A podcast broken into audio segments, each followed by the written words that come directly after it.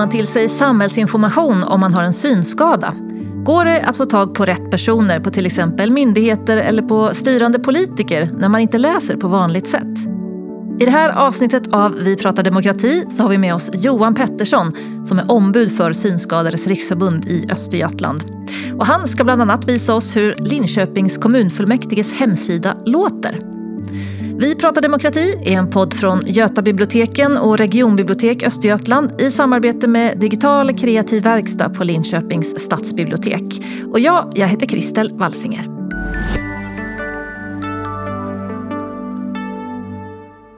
Ja, I en fungerande demokrati så måste alla medborgare ha tillgång till korrekt samhällsinformation från trovärdiga källor. Man behöver kunna ta kontakt med politiker, myndigheter etc. Och det här är ju inte minst viktigt i tider av samhällskris. Vi har nu levt med en kris i form av en pandemi under drygt två års tid. Och just nu har vi också ett nytt osäkert läge i Europa. När vi spelar in den här podden så har det gått knappt en vecka sedan Ryssland invaderat Ukraina. Och det ska handla om eh, tillgänglighet till samhällsinformation och samhällsservice i det här avsnittet av Vi pratar demokrati. Och med mig har jag Johan Pettersson. Hej! Hej! Du är ombudsman för SRF i Östergötland. Stämmer bra. SRF står för Synskadades riksförbund. Berätta vad ni gör för någonting och vad din roll är. Synskadades riksförbund är en treplansorganisation, så vi har ett riksförbund som jobbar nationellt i, de sitter uppe i Stockholm och jobbar med nationella frågor. Mm. Och sen har vi eh, distrikt då, som Östergötland är ett exempel på och vi jobbar med länsfrågor och eh, går även ner och hjälper till i kommunerna på lokalföreningsnivå som vi säger då. Mm. Eh, och min roll då är ombudsman och eh, det innebär, det är ett väldigt stort och brett område. Jag jobbar mycket med politiker och pratar både med regionala och kommunala politiker om eh, frågor som rör personer med synnedsättning.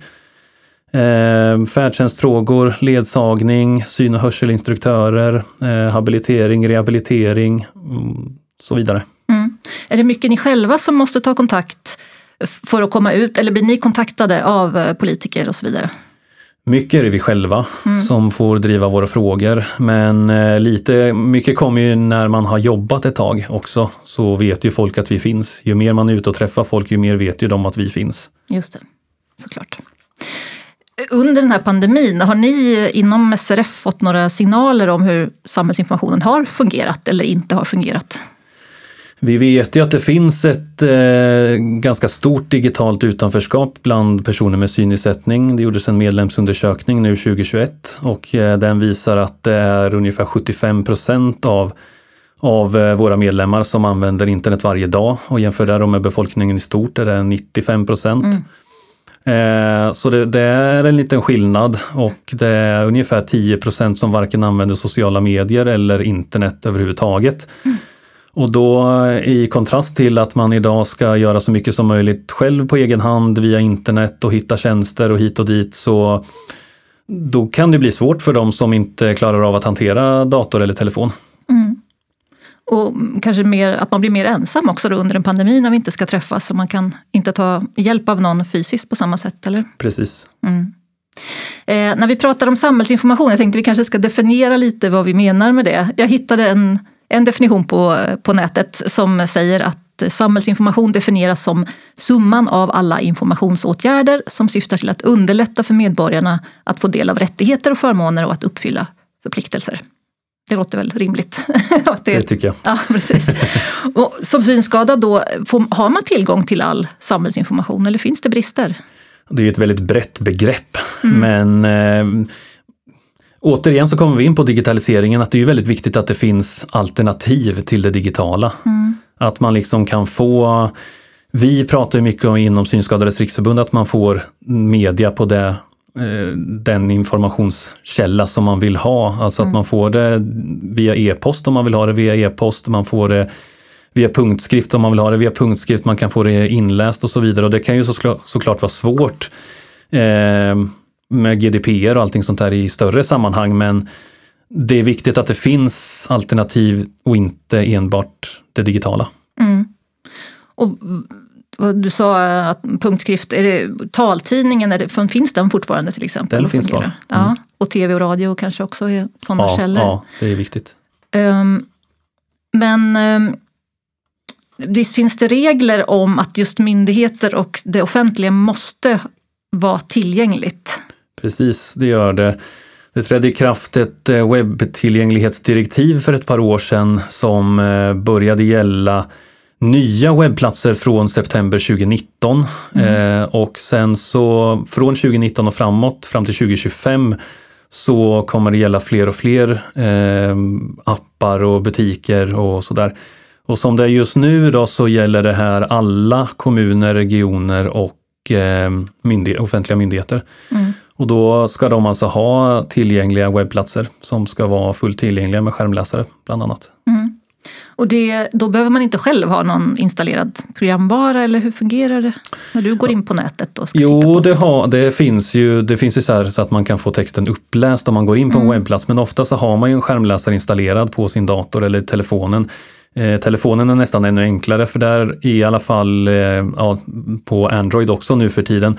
Men i Apple så finns det liksom inkluderat i telefonen olika former av hjälpmedel och där har eh, Apple då sin eh, eh, VoiceOver som är deras skärmläsare. Mm. Och då läser den upp allting som står på skärmen. Och det är samma sak med datorn då. PC-datorer där inte finns det installerat utan där får man eh, köpa till eller få ett hjälpmedelsprogram från syncentralen. Eh, och eh, sen är det samma princip där också, att den läser upp allting som står på skärmen.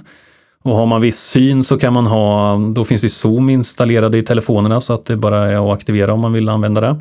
Mm. Och eh, samma sak på PC-datorer så kan du få en eh, ja, Zoom-program helt enkelt som förstorar upp skärmen och med kontraster och sånt där. Mm. Men det låter som den läser upp allt säger du. Måste du lyssna igenom en hel hems, alltså all information för att hitta vad du, om du letar efter specifik information? Det kan vara lite knepigt ibland för du får ju aldrig samma överblick över en webbplats som du får med ett par ögon. Nej. Utan eh, du kan ju gå in på en webbplats och så ser du liksom högst upp till höger ligger den skylten eller den knappen och längst ner till vänster så är den rubriken. Du liksom mm. skannar av mm. sidan på några millisekunder mm. och sen är det klart. Mm. Men för mig kanske det tar ganska lång tid, alltså första gången man går in på en webbplats, då får man ju navigera runt och då är det ju HTML-tags framförallt som man använder med skärm, skärmläsare. Mm, vad betyder det? Eh, det är alltså att man kodar sidan med rubriker och med listor och tabeller och så. Eh, så att den känner igen och skärmläsaren känner igen då att det är en rubrik och att du har kodat in en rubrik så att det inte bara ser snyggt ut som en brödtext fast mm. du har kodat in det som en rubrik utan det ska vara kodat enligt ett specifikt, ja, specifikt sätt. Mm. Och kom, menar du att du då kan hoppa snabbare mellan informationen på sidan? Precis. Ja, okay.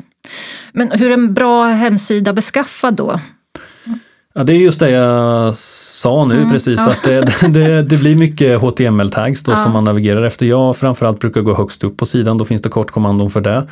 Och sen så finns det kortkommandon för hur man går till nästa rubrik och då kan man liksom navigera sig runt på sidan. Mm. Eh, typ startsida, eh, första rubriken kanske och sen kommer det nyheter och sen kommer det något annat. Mm. Så då har man liksom koll på hur sidan är uppbyggd och sen kan man ju pila sig runt och så kan man hoppa till listor, det finns det ju kortkommandon för och sånt. Så mm. att det, man lär sig. Så om man varit inne på en sida många gånger då har man liksom lärt sig, lärt sig att ja, på den här sidan då ska jag gå högst upp på sidan, trycka tre gånger på H då som är heading, alltså för rubriker. Mm. Och för att komma till en viss rubrik och sen pila ner fyra steg och sen kommer jag dit jag ska. Ah, ja, så då blir det lite smidigt, man ja, får upp farten. Ja. Men varje gång det är en ny sajt så... Då tar det tid. Och vad är de klassiska misstagen? Jag, tänker det är säkert skillnad då på myndigheter och så vidare som måste följa vissa riktlinjer. Eh, men det är ju, finns ju mycket annat på nätet man vill besöka. Mm. Eh, säg att du går in i, du vill köpa lite kläder. Ja, ja kläd, det är faktiskt ett bra exempel för klädbutiker ja. är svårt. Ja. För där, eh, då bygger det mycket på, alltså bilder är svårt. Mm. Eh, för att göra det tillgängligt så då vill man ju ha en alttext på bilden. Mm. Alltså att man skriver vad för någonting som bilden föreställer. Om det är en tröja som jag tittar på, att man skriver att det är en tröja och den har eh, V-ringning och eh, en viss form av muddar eller någonting sånt. Mm. Eh, annars så ger ju inte bilden någonting och på klädbutiker så står det ju väldigt sällan hur klädesplagget ser ut. Mm. Så då måste man nästan ha en seende person som berättar vad det är man köper. Mm. Annars får man ju köpa och sen skicka tillbaka om det inte funkar bra. Ja, just det. Och det är det ju många som gör oavsett Ja. om man ser eller inte. Eh, Men det är klart, butikerna faller ju inte under den här eh, regleringen då, eller det här direktivet. Eh, Men bilder kanske inte alltid är märkta som de ska ändå. Nej, nej, nej precis det stämmer. Ett klassiskt exempel, eller klassiskt, men att man har en bild med information i. Mm. Och bara informationen i bilden och tycker att det blir bra. Mm. Men för en skärmläsaranvändare då, då missar man hela den, för skärmläsaren kan inte läsa bilder. Nej. Utan då läser den all texten, alternativt så läser den eh, att det är en image-grafik eller någonting sånt. Mm. Och du får inte till det den texten då som står i bilden, utan då måste, då ska den, den, man kan ha text i bilden, men då vill man gärna ha det som brödtext under eller över bilden också i Mm. anslutning till det, så att man kan läsa det som vanlig, vanlig text. Hur fungerar sociala medier? För jag läste någon gång någon som påpekade här att om man liksom lägger in 14 emojis eh, i en tweet eller någonting, så för den som får det uppläst kan det bli ganska tråkigt. Ja, Solemoji, glad ja gubbe-emoji. det kan det vara. Det beror lite på hur man lägger in det. Eh, om du har samma emoji tio gånger, Ja, då läser den typ tio sol. Ja, just det, det är inte så. Så då går det ganska fort. Men har Ja. man liksom en sol och sen tio andra gubbar, eh, en av varje, liksom, då Mm. tar det ju tid. Mm. Och så har man kanske det innan sin text och sen kommer texten, sen kommer det tio emojis till. Mm. Då tar det lite tid. Men eh, ofta så jag tycker det brukar funka bra. Ja, det gör det. Ja. Jag tänker att vill man nå alla så kanske det inte är det smartaste sättet att skriva på. Men det, det kanske inte är det stora problemet heller med sociala medier. Det finns Nej. annat som är Ja. trassligt där.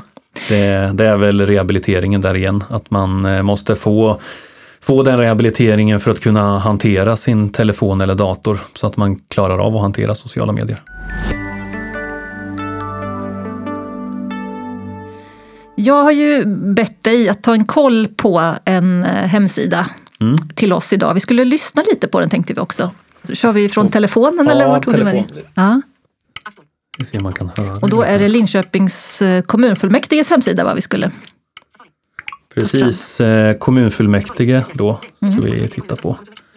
Eh, Mm. Nu går då det fort. vi, ja, jag ska, så här fort har jag, det går ju. Linköpings kommunfullmäktige är kommunens högsta beslutande instans. Kommunfullmäktige fattar beslut om sådant som påverkar vår vardag. Till exempel hur mycket du ska betala för barnen som gäller nya stadsdelar statut. Moderaterna. Och det där hör ju inte en vanlig människa. Gör du det? Ja, det gör man. Så då får man, Ah.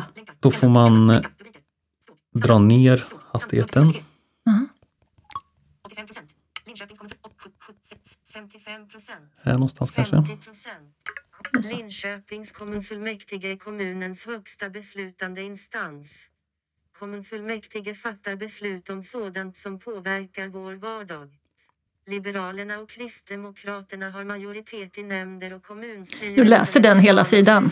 Ja, nu läser den det stycket som jag var på. Sen Okej. så finns det en massa olika gester hur man navigerar på, en, på webbsidan då med voiceover. Mm. Eh, så då kan man dra ett finger åt höger eh, och då kommer den till nästa stycke. Mm. Och sen så kan man eh, i rotorn som man säger om med voiceover, där kan man lägga in rubriker och alla de här elementen som jag var inne på förut. Eh, och då har jag ju rubriker där då. Ska vi se om vi hittar det. Där har vi rubriker. Och då hittar den ju rubriker. Då går man, sveper man med ett finger högst upp på skärmen, alltså ett finger bara rakt uppåt och sen så drar man samma finger fast neråt istället. Då kommer man till nästa rubrik på sidan. Sammanträden. Rubriknivå 2. Då är det sammanträden och sen kommer det Allmänhetens frågestund på kommunfullmäktige sammanträden. allmänhetens frågestund. Men om du vill hitta nu då kommunfullmäktiges ordförande Lars Vikinge till exempel, finns det något smidigt sätt för dig att göra det eller får du lyssna igenom den här listan nu? Eh, Jag vet faktiskt inte om det finns någon sökfält på den här sidan. Uppdrag. Rubrik 120. Efternamn. Då får man eh, gå runt lite här om man kan. Kommunfull- Kommunfullmäktige. Snedstreck. Kommunfullmäktige. Nej, Kommunfullmäktige. Rubrik. Uppdrag. 100. kan trycka på Rubriknivå. Efternamn. Förnamn. Parti. Uppdrag. Ordningsnummer. Rad 2. Om jag fick önska så skulle du ju kunna tala in vad du söker efter och så skulle Mm. den hitta det. Men den funktionen finns inte eller? Uppdrag. Eh, inte vad jag hittat. Det kanske det gör, ju det vet jag inte. För det är ju lite om man hittar ett sökfält någonstans som jag inte hittar här. Mm. Då kan man ju prata in. Ja. Om man söker efter han Lars då. Ja. Men eh, annars så får man ju leta igenom hela listan här tills man hittar honom. Det gjorde jag förut men han var ganska långt ner så jag, ja, just det. Jag tror att han fanns på eh, första sidan på kommunfullmäktige, hade de nog. Eh, presidiet. ja det hade de. Då Så man, hade du varit ute efter honom från början hade du kanske inte behövt gå dit du Nej. gick nu då. Så det ska vi inte lägga Nej. på dem. ska jag vara snäll. Det finns ju, eh, jag tänkte vi kanske skulle tittat på bibliotekets hemsida också Ja, och se hur lätt det var där. Men eh, var det någonting här direkt som du tänkte på att det här skulle kunna vara bättre eller var det ungefär som det brukar vara på? Alltså jag tycker att det är ganska... När jag gick in på den här sidan från början då googlade jag på den. Det var klart lättast att hitta så. Mm. Det var det. Mm, Ja. Om man gick in på linköping.se och sen försökte hitta den vägen, då var det ganska knepigt. Mm. Eh, men googlar man på det, då kom det upp eh, som högsta sökresultat. Ja. Så då var det bara att klicka in där. Ja. Så då var det enkelt och sen sidan i sig är ju ganska bra med rubriker och ganska lätt att hitta så Mm. också. Det är väl som sagt när man kommer in här till alla politiker och så att det skulle vara ett sökfält där som man kunde söka på en viss politiker. Mm, särskilt om man vill mejla och ta kontakt just Ja, så, så skulle det kanske vara enklare. Men det kanske är något vi inte hittar precis just nu. Ja, det kanske finns. Det, Ja, exakt. ja. Vi sitter i bibliotekets studio och den här podden lyssnas på av många bibliotekarier inom Göta biblioteken. Eh, du brukar inte vara här så mycket sa du när vi har mött upp dig här. Nej. Hur kan det komma sig? Eh, är det bara det att det inte är en vana för dig att gå till biblioteket eller är det svårt att navigera här på något sätt? Nej, det är väl mer eh, för min del så har jag inte varit på biblioteket egentligen sedan min skoltid. Nej. Så, men sen är det ju klart, när vi gick hit så var det ju ganska stort. Hade inte du gått före mig så hade jag absolut inte hittat hit kan jag säga. För Nej. det var ju väldigt eh, stort och öppet. Mm. Eh, så då hade, man ju, då hade jag i så fall försökt hitta någon form av receptionsdisk i närheten av entrén och sen bett om hjälp dit, Mm. där, dit jag skulle. Och det finns ju, men nu sprang jag, eftersom Ja, vi gick med ja. mig, sprang vi ju förbi den. Eh, Men vad tänker du annars kring biblioteket? Vad, vad kan biblioteken ha för roll i att förmedla information på ett tillgängligt sätt? Då? Jag tänker väl framförallt så är det ju Östgöta taltidning som, eh, som levereras en gång i veckan. Och den är det ju många av våra medlemmar som lyssnar på. Och eh, där är det ju både reportage och det är lite om våra, någon av våra lokalföreningar har någon annons kan de lägga ut den där och så. Eh, så man har lite koll på vad som händer eh, runt om i Östergötland och eh, ja, där i kan man ju ha samhällsinformation om det skulle vara något viktigt så. Det är ju valår i år. Hur eh, når ni ut till era medlemmar eller hur kan man nå information om politiker och partier om man är synskadad? Alltså, vi har ju tidigare haft eh, paneldebatter med politiker inför valen och i år tänker vi om lite grann så vi ska faktiskt spela in poddar med politikerna framåt maj-juni någonstans där. Och då så ska vi ställa två partier mot varandra och så får de eh, helt enkelt svara på och ha en diskussion om frågor som rör personer med synnedsättning. Om färdtjänst, om ledsagning, om syn och hörselinstruktörer, om rehabilitering och eh, kommunal, ja, alla möjliga frågor. Jätteintressant. Och då kommer ni att vara här i biblioteket eller och spela in? Stämmer bra. Ja, det får vi lyssna på sen. Mm. Ja, jättekul. Tack Johan för att du kom hit och berättade för oss om tillgänglighet ur SRFs perspektiv och ditt kanske. Tack så mycket. Vi lämnar en länk till eh, er hemsida med råd för bland annat tillgänglig krisinformation. Vi lägger det i våra show notes.